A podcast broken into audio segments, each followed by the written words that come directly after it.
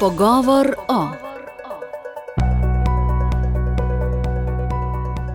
Spoštovane poslušalke, spoštovani poslušalci, lepo pozdravljeni. Tokratno oddajo Pogovor o bo zaznamovala problematika migracij. Osvetlili jo bomo z več zornih kotov. Z nami bodo Boštjan Perne, Romana Tomc in Maja Kocjan. K spremljanju vabim Helena Križnik.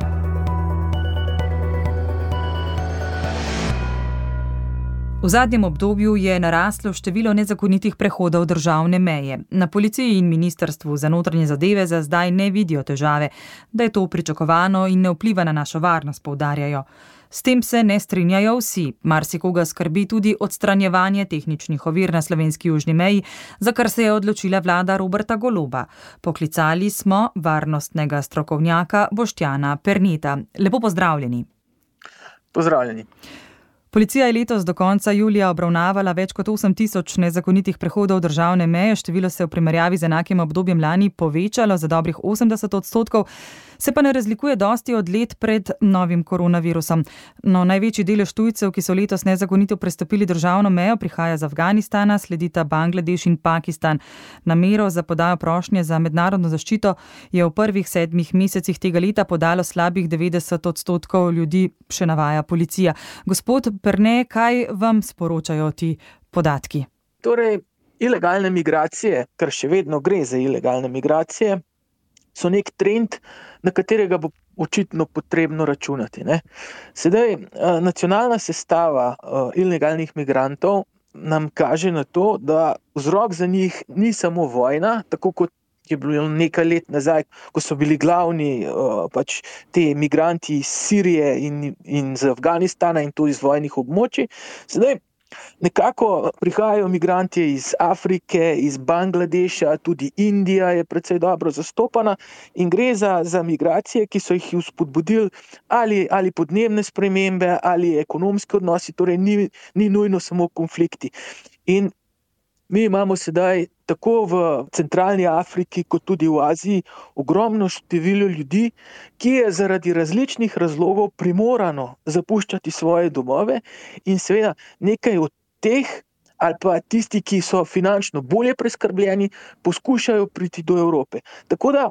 Ne gre samo za ta trend 80-odstotno povečanje, ki se kaže na balkanski poti, ampak gre na splošen trend povečevanja migracij in s tem problemom se Evropa aktivno ne zna spopasti. Torej, enotne migrantske politike v Evropi ni.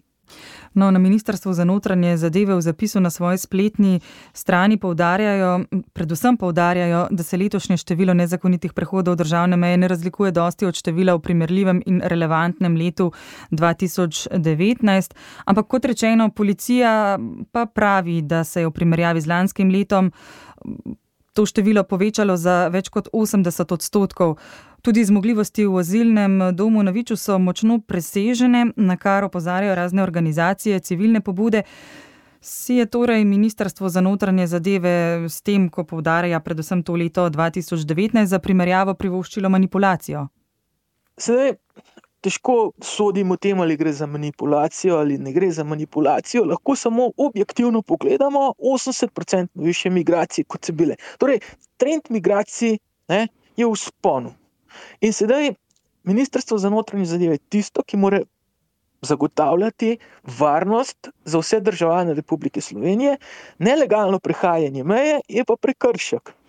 In sedaj, če bo to ilegalno prehajanje meje postalo še bolj množično, kot smo videli tako že v preteklosti, če se bo izkazalo, da bo migracijski pritisk na balkanski poti še bistveno večji, ne, potem tukaj nihče ne more zanikati, da gre za, za varnostni problem. Res je, da velika večina migrantov, ki prihaja čez našo južno mejo, ne želi ostati v Sloveniji in išče pot v bolj bogate zahodne države, kjer je njihov status socialni na začetku boljši. Tako da gre bolj ali manj za prehodne migracije, pa vendar ne. Tako veliko povečanje ne vzbuja nekega zaupanja, oziroma ne vzbuja nekega pozitivnega pogleda na, na problematiko, ampak bo potrebno, po mojem mnenju, pač resno zanalizirati, kaj narediti, če se bodo te migracije še povečevale. kot ste dejali, večina ne ostane v Sloveniji in zato tudi mogoče kakšna beseda o prošnjah za mednarodno zaščito. Zelo malo statusov mednarodne zaščite je pravzaprav priznanih pri nas. Razlog pa je ta, da velika večina tujcev, ki se sklicuje na njo Slovenijo, zapusti še pred koncem postopka, vendar o tem ne slišimo prav pogosto. Zakaj po vašem mnenju? Pravilno ste ugotovili. Ne? Pravilno ste ugotovili. Poglejte, zaprosilo za mednarodno zaščito je v sedanjih razmerah izključno in samo ena od metod, oziroma eden od postopkov, kako ilegalno prehajati meje. Zakaj? Torej, za azil pri nas lahko zaprosi točno določena oseba, in pri nas tudi azil se ne, ne podeli tako pogosto, zaradi tega, ker mora oseba dokazati, da azil resnično potrebuje. Ali gre za tukaj za, za kakšna huda konflikta območja ali kakšno drugo stvar, ampak ekonomska migracija, ki je danes vzvod za, za, za recimo 90% teh migracij, ki jih vidimo, ne, ni zadosten razlog za azil. In, in kaj se naredi? Torej, ilegalni migranti pridejo na mejo, zahtevajo takoj za azil, padejo v poseben postopek, ne, in v tem postopku jim ne moremo omejiti svobode gibanja. In takoj, ko se postopek začne, ko jih predstavijo v neki azilni center, pač nadaljujejo svojo pot proti severu. Zdaj, naša velika sreča je, da Dublinska uredba trenutno ne velja. Torej, da se ne vrača migrante v, v tisto državo, kjer so bili prvič zabeleženi. Zaradi tega bo večina teh migrantov ostala po Evropi. Če bi pa na neki točki začeli upoštevati Dublinsko uredbo, potem imamo pa precej večjo težavo. Policija ocenjuje, da se bo povečan obseg nedovoljenih migracij nadaljeval tudi v prihodnjih mesecih. Hkrati trdi, da na območjih z večjim tveganjem zagotavlja visoko stopnjo varnosti in zato ni razloga za skrb. Ste tudi vi tako mirni? Poglejte, ilegalnim migrantom ne, enostavno ni v interesu, da bi se skrivali po območju Republike Slovenije. Ne. Ampak jim je sedaj, ne, glede na, na nekoliko spremenjeno politiko vračanja teh ilegalnih migrantov, predvsej vseeno, če se jih takoj zajame. Ker boč njihov namen je nadaljevati pot. Ne. Če so se še pred nekaj časa skrivali in poskušali priti več ali manj do Italije po kopnime ali pa do Avstrije z drugimi sredstvi, sedaj to ni več tako nujno potrebno, ker če jih zajamejo, zaprosijo za azil, ko opadejo postopek, ne, gredo naprej po svoji poti. Tako da se pravi, ne, te imigrantje ne predstavljajo tako velikega problema za Republiko Slovenijo. Bodo se pa te številke bistveno povečale v Italiji, v Avstriji, Nemčiji, ne, predvsem so to ciljne države. In jaz pričakujem, oziroma jaz ocenjujem, da bodo slejko prej te tri države začele spraševati Slovenijo, kaj dela sedaj na ilegalnih migracijah. Seveda pa tudi varnostne razmere v Sloveniji treba spremljati. Ne? Pa kljub temu ne gre za ciljno usmerjene migracije proti naši državi, ampak je naša država zgolj in le tranzitna. Ena od prvih potez vlade Roberta Goloba je bila odstranitev tehničnih ovir slovenske južne meje, nadomestili naj bi jih brezpilotna letala in kamere, za zdaj še ni jasno, koliko jih bo, kje bodo nameščeni pristojni nekega konkretnega načrta v zvezi s tem niso razgrnili javnosti, prav tako niso predstavili nobene varnostne analize, kaj vse to pomeni. Priča smo zgolj leporečju, puhlicam o solidarnosti in vključujoči družbi. Kakšen je vaš pogled, gospod Prne? Poglejte, pri nas vlada sedaj trdi, da bo zagotavljala isto stopnjo varnosti. V redu. Ampak fizična varnost se lahko zagotavlja z ljudstvom, in pa s tehničnimi sredstvi. Zdaj, če odstranite tehnična sredstva, jih morate nadomestiti z enako učinkovitimi tehničnimi sredstvi ali pa povečati število ljudstva. Sedaj, če pogledamo stanje v policiji, kjer pravijo, da so razformirali recimo avtocestno policijo zaradi hudega pomankanja kadra, potem jaz resnično ne vidim, kje bodo dobili policiste, da bodo nadomestili žične ovire, ki so jih odstranili. Po drugi strani pa druga tehnična sredstva, ne, ki jih bi morali nastaviti, torej mora biti precej kompleksen načrt tehničnega varovanja meje, kjer je bila ograja odstranjena. Ampak to je prvič precej kompleksno, drugič pa precej drago. In jaz še nisem slišal točno, kaj bodo oni namestili in na kakšen način bodo nadomestili tehnične sredstva, ki so jih odstranili. Jaz se strinjam, da je bila ponekod sploh rezilna žica moteča. Ampak, če jo odstraniš, jo moraš nadomestiti. In tega jaz v praksi ne vidim. Tako da tukaj bodo, bodo stvari morali malo bolje doreči.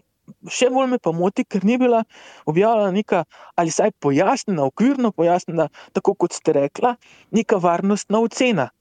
Torej, ali se je situacija toliko zboljšala, da odstranjujemo ograjo, ali pa imamo toliko učinkovite tehnične sredstva, ki bodo to ograjo nadomestila. Nič od tega v javnosti ni bilo videti ali slišati. Tako da jaz ocenjujem, vsaj na tem, kar je videti, da gre zgolj za spremembo politike.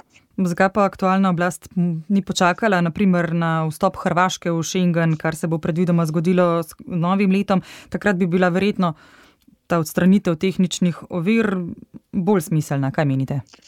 Poglejte, iz vidika varnosti vstop Hrvaške v Schengen in ilegalnih migracij ne bo spremenil popolnoma nič.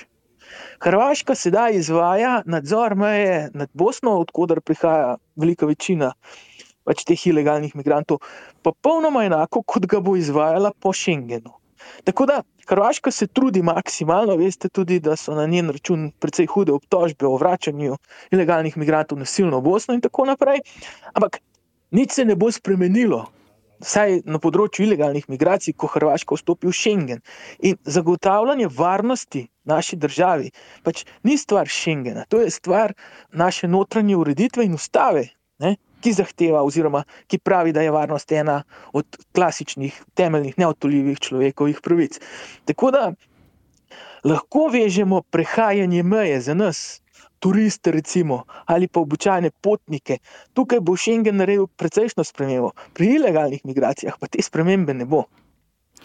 Verjetno bo vsem tem ni nepomembno omeniti, da Avstrijci naprimer še naprej ohranjajo nadzor na notranji meji Evropske unije, kjer ga torej po rednih pravilih sploh ne bi smelo biti, in da Mačari še krepijo svoje tehnične ovire. Bi Slovenija potem takem spet lahko postala migracijski žep, kako velika nevarnost je za to?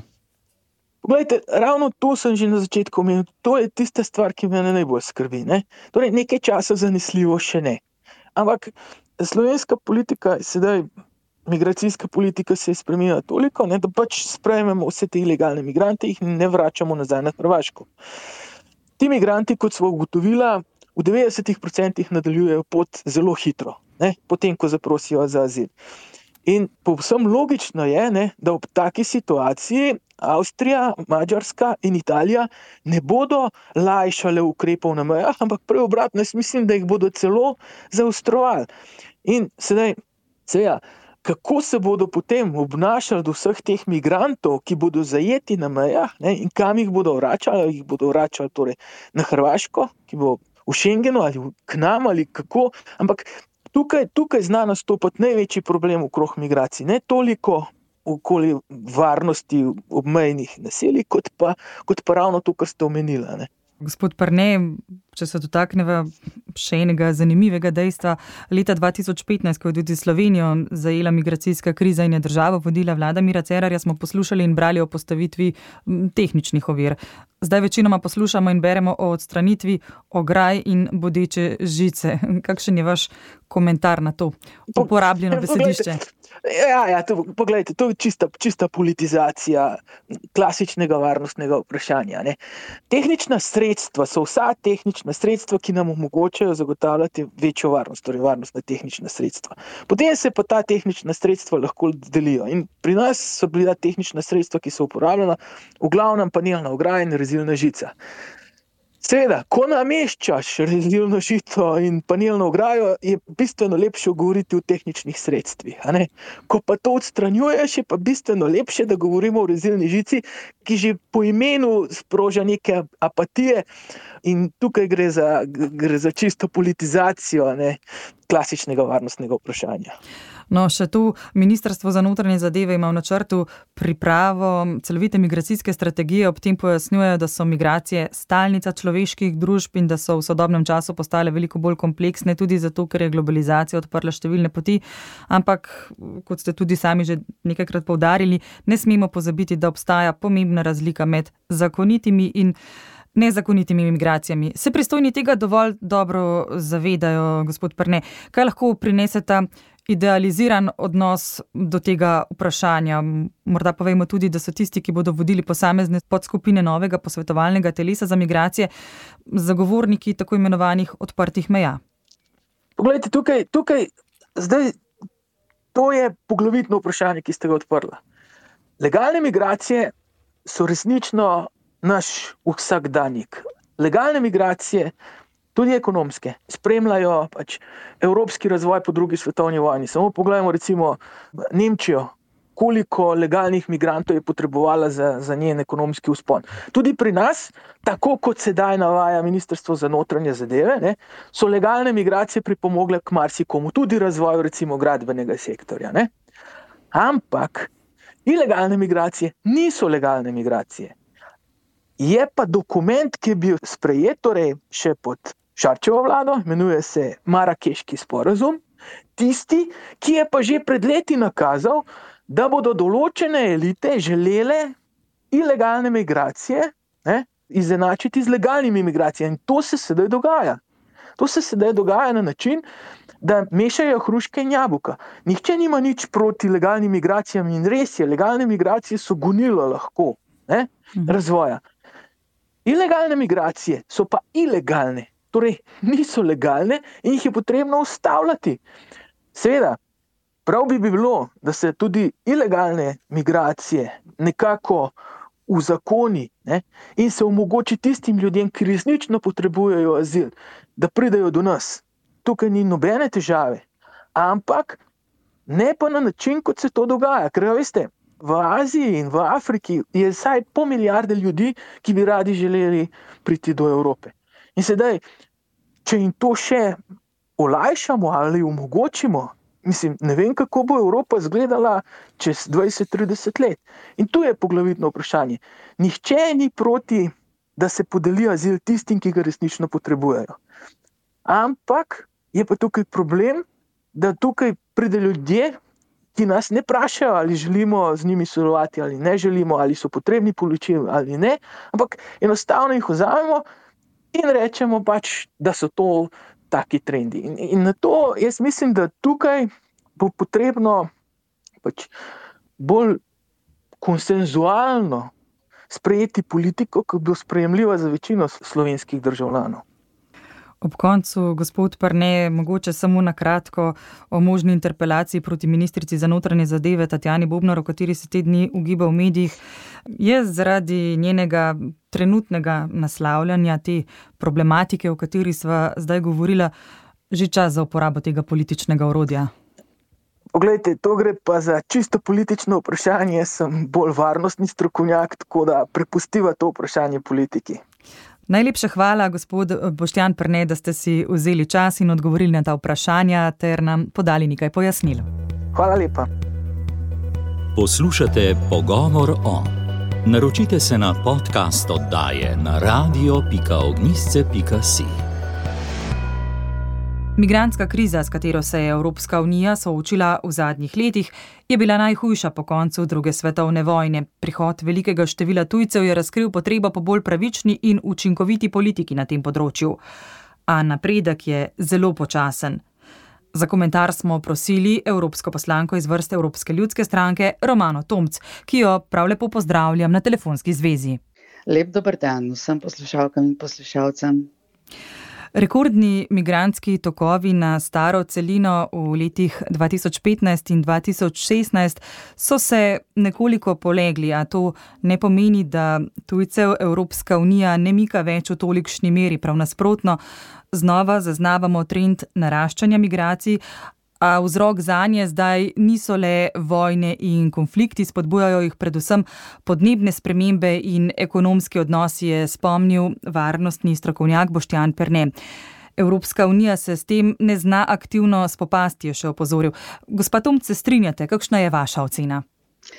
Ja, popolnoma se strinjam z besedami gospoda Permeta in tudi sama ugotavljam, da imamo na evropskem nivoju zelo veliko različnih idej, vendar še vedno odprtih vprašanj, ki ne najdejo odgovora. Posebej seveda je pereče nesoglasje o načinu reševanja migranske krize, še posebej s poudarkom seveda na reševanju tistega dela migracij, ki se nanašajo na ilegalne migrante. Mi smo nekaj let nazaj sprejemali različne dokumente, ki pa lahko rečem, niso nikoli v praksi zares zaživeli. Po tej res veliki krizi, ki jo omenjate, pred nekaj leti se je namreč zelo jasno pokazalo, kako neenotna in kako neoperativna je politika upravljanja z migracijami in nasplošno azilna politika v Evropski uniji.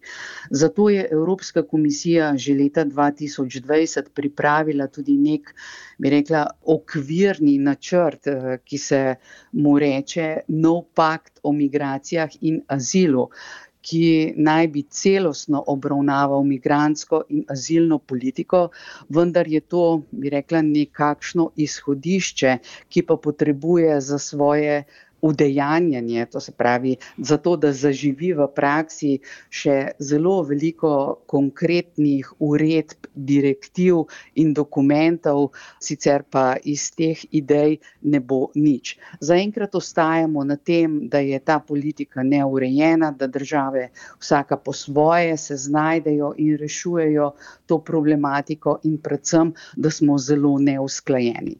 To pa jasno vodi tudi k temu, da je med državami velika stopnja nezaupanja.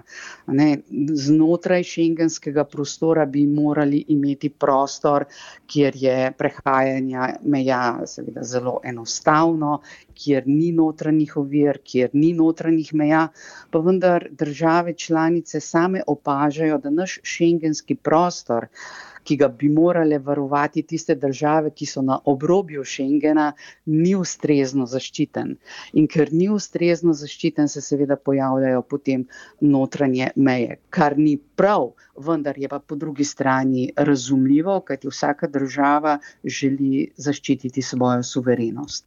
Pravite, ni poenotenja. Katere pa so glavne ovire pri pripravi teh nekih ukrepov in reform na ravni Evropske unije, ki bodo zadovoljile vse članice? V veliko je takšnih odprtih vprašanj. Eno izmed ključnih vprašanj, zaradi katerega je padla tudi ideja o upravljanju migracij in azilnem sistemu, je bil, če se spomnite, pred nekaj leti tako imenovani obvezni solidarnostni mehanizem kjer naj bi se osebe, ki so prišle v Evropsko unijo oziroma v šengenski prostor, po nelegalni poti, kjer naj bi jih potem države solidarnostno sprejele na svoje območje. To je bilo seveda za marsikoga nesprejemljivo in glavni vzvod, da je celoten ta paket padel. Sicer pa so še ostala odprta vprašanja. Ne? Države nimajo poenotenih azilnih postopkov, ne ve se, kako se ravna z skupino ljudi ali pa s človekom, ki pride nezakonito v državo. Ti postopki so zelo dolgotrajni, vračanje, recimo, če nekoga zalotijo, da je prišel v državo po nezakoniti poti. In To celo ugotovijo, vendar se je izkazalo, da na, na območju Evropske unije živi, oziroma še vedno tava ogromno ljudi, ki imajo odločbe o tem, da se morajo vrniti, pa to vračanje ni bilo uspešno.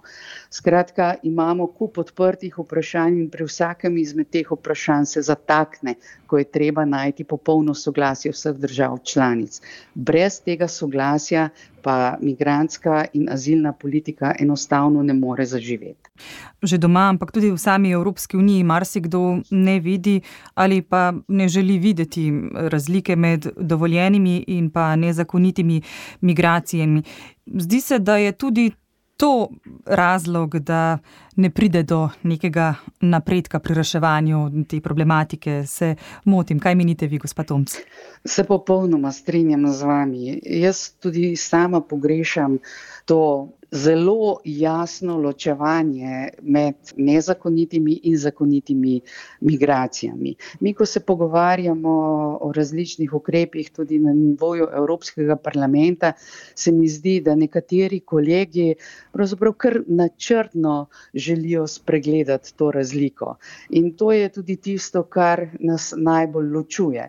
Jaz mislim, da bi do rešitve veliko hitreje prišli, če bi naredili zelo jasno ločnico in bi povedali, kakšni so postopki v primerih, ko gre za zakonite migracije, kar seveda so ti azilni postopki, hitro obravnavanje in seveda pač želja, da se ta postopek spelje čim hitreje, ko gre za zakonite migracije.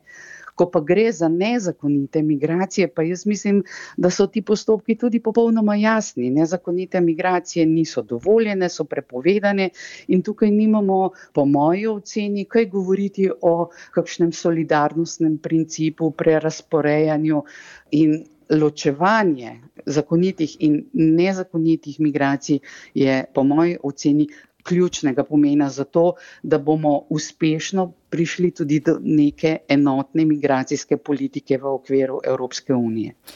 Verjetno pa je to neko popolno poenotenje pri tem vprašanju, torej vprašanju, splošnem vprašanju migracij, vseeno utopija. Kaj pa lahko naredi, oziroma kakšna bi morala biti vloga Evropskega parlamenta pri oblikovanju politike, ki bi ustrezno odgovorila na ta izziv? Ja, Evropski parlament, bom rekla, je tukaj še posebej razdeljen, morda še bolj kot države članice med sabo. Bi pa opozorila na tem mestu še na nekaj države, ki smo jih v preteklosti poznali kot tiste, ki so bile najbolj dovzetne za migracije, ki so sprejemale največje število migrantov, kot so recimo skandinavske države ali pa tudi kakšne druge, seveda danes postajajo tiste, ki najbolj zaostrujejo pogoje. Njihova politika se je popolnoma spremenila v nekaj letih, ker seveda so bili sami priča, kaj se zgodi, če je ta migranski val v neko državo prevelik in postane neobvladljiv. Začenjajo se seveda socialni problemi, pritiski na socialne sisteme in tudi iz varnostnega vidika je to veliko vprašanje.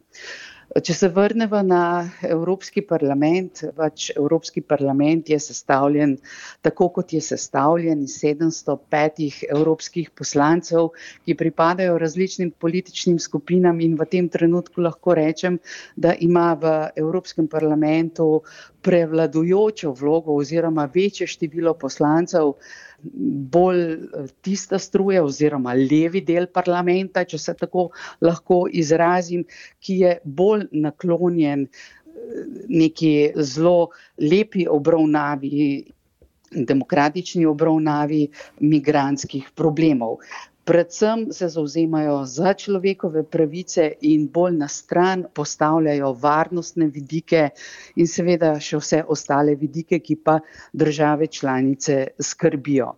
Tako da, kadar glasujemo, je vedno večina na tisti strani, ki daje migrantom večje pravice in zanemarja pravice suverenosti posameznih držav.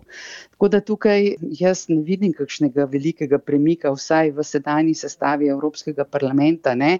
kako pa bodo prinesle volitve čez dve leti, pa bomo videli. Ampak smer, po moji oceni, ne gre v tisto smer, v katero bi si sama želela.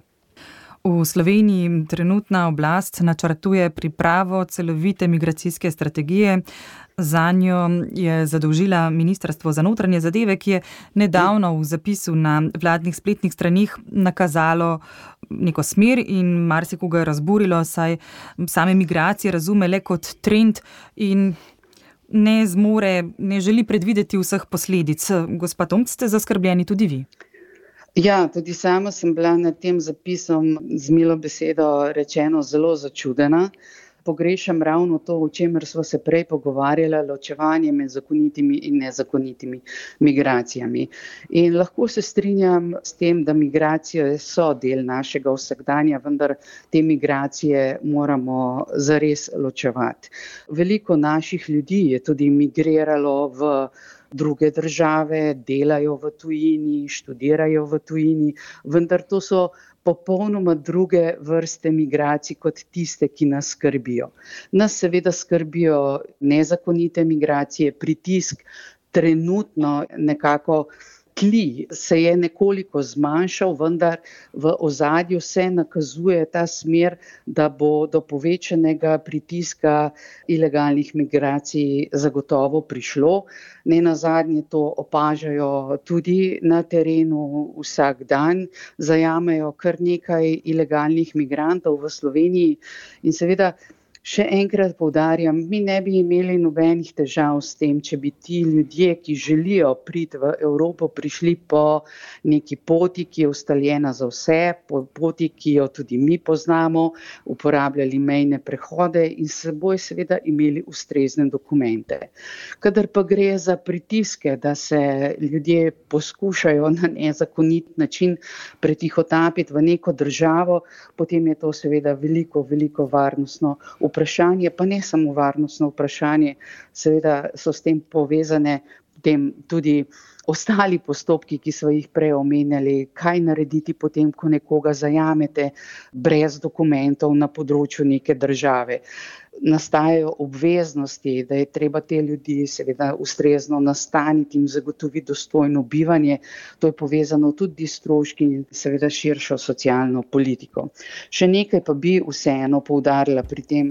Veste, ti nezakoniti migranti, ki so velik problem, seveda so se sami odločili, da gredo na to pot in da bodo ubrali to nezakonito pot, vendar so veliko krat na poti tudi predmet oziroma so izkoriščeni. Na ta način predvsem služijo tisti, ki trgujejo, ki jih tiho tapijo. In gre za tudi v veliko primerih, kar se je ugotavljalo, predvsem na področju otrok, za trgovino z ljudmi, zato da te otroke izkoriščajo. In s tem, ko bi zaustrili pogoje in preprečili ilegalne migracije, bi v veliki meri tudi onemogočali trgovino z ljudmi. Tudi ta vidik je potrebno upoštevati. Vendar naj zaključim s tem komentarjem naše rekla, potencijalne bodoče strategije na področju upravljanja migracij, kar se tiče Slovenije.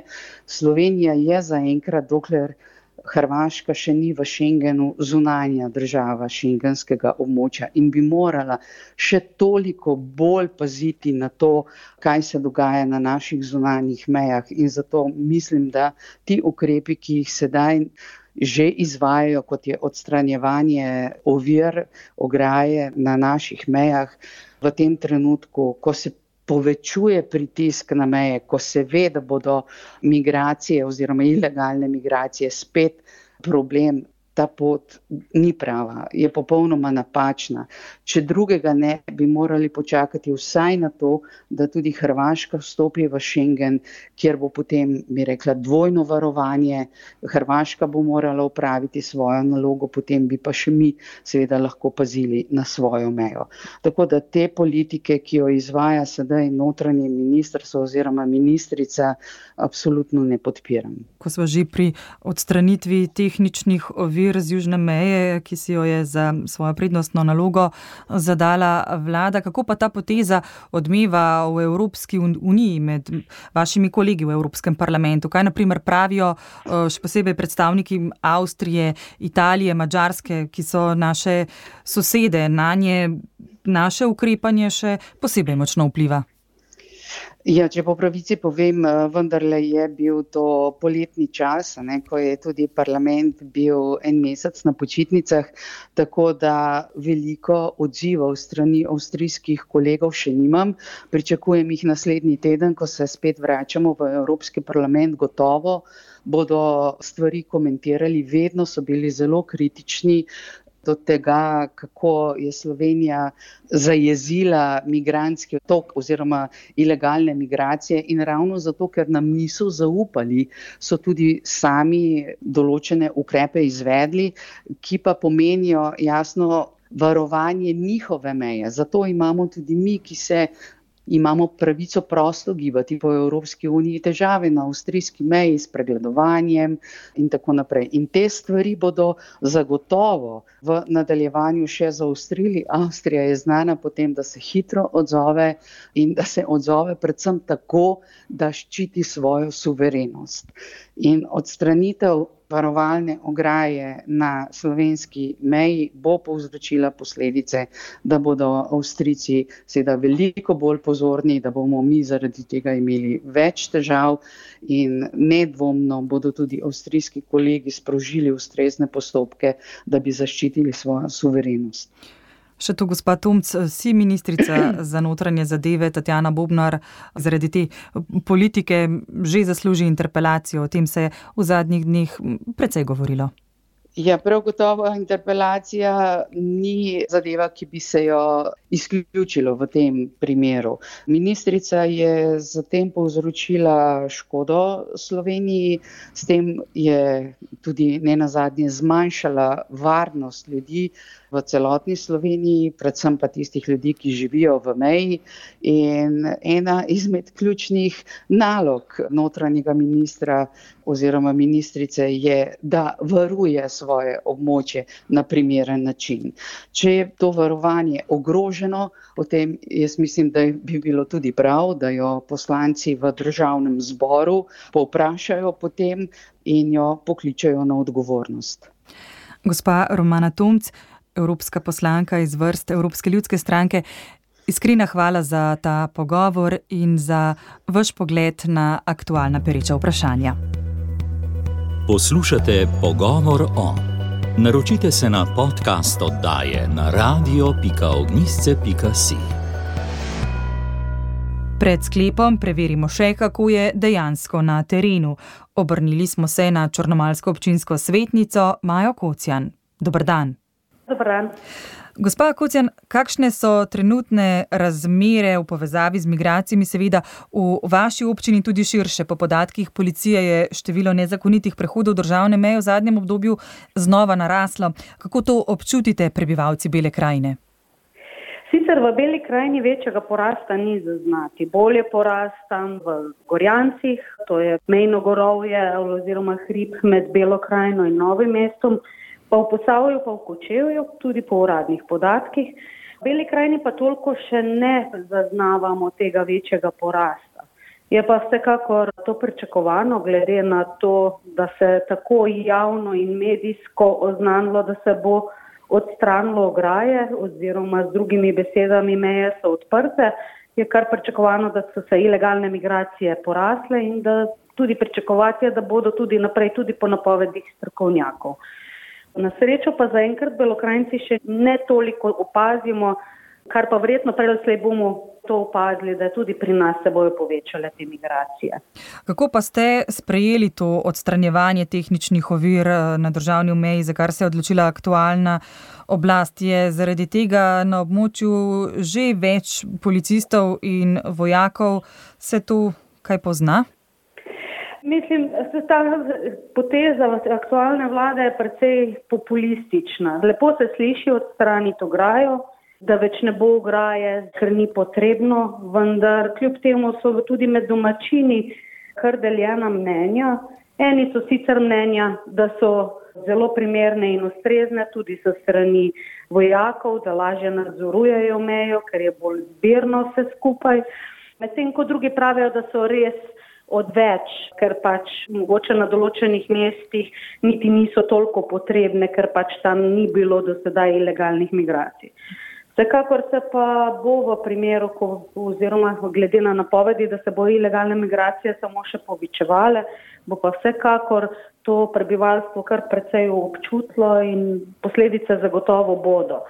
Ta populistična izjava ograje dol, pa brez nekih konkretnih rešitev, kako zavarovati mejo, vsekakor niso niso dobrodošle za lokalno prebivalstvo, kajti to samo pomeni, da jih dejansko zopet vabimo in da v roku par mesecev bo ravno zaradi teh tako javno medijskih objav in pompa, medijskega pompa, da bojo te migracije res samo se še povečevale. Kako pa bi se morala po vaše odzvati politika oziroma kaj pričakujete od vlade? Ja, vsekakor bi bilo, če so že se odločili za odstraniti ograjo in da mogoče imajo kakšne drugačne načine nadzora meja, saj ne tako medijsko in tudi mednarodno to objavljati in ker dejansko to nakazuje samo na populizem kot na karkoli drugega, samo signal daje, da so meje odprte, kar zagotovo ni dobrodošlo. In katere okoli ukrepe bodo sprejeli, se pričakuje, da bodo to ne z medijskim pompom delali, da bodo vsi to vedeli, tudi te prevozniki, ki prevažajo te ilegalne imigrante, da niso vse informacije ravno javne. In ravno to zdaj delajo, da vsako ukrep javno naznanijo in s tem, da se točno vejo, kje se izogniti policiji in to zagotovo ni dobrodošlo. In s tem si ne dela ne vlada, sebi usluge, kakor tudi ne lokalnim prebivalcem. Gospa Maja Kucijan, iskrena hvala še za ta vaš pogled na problematiko.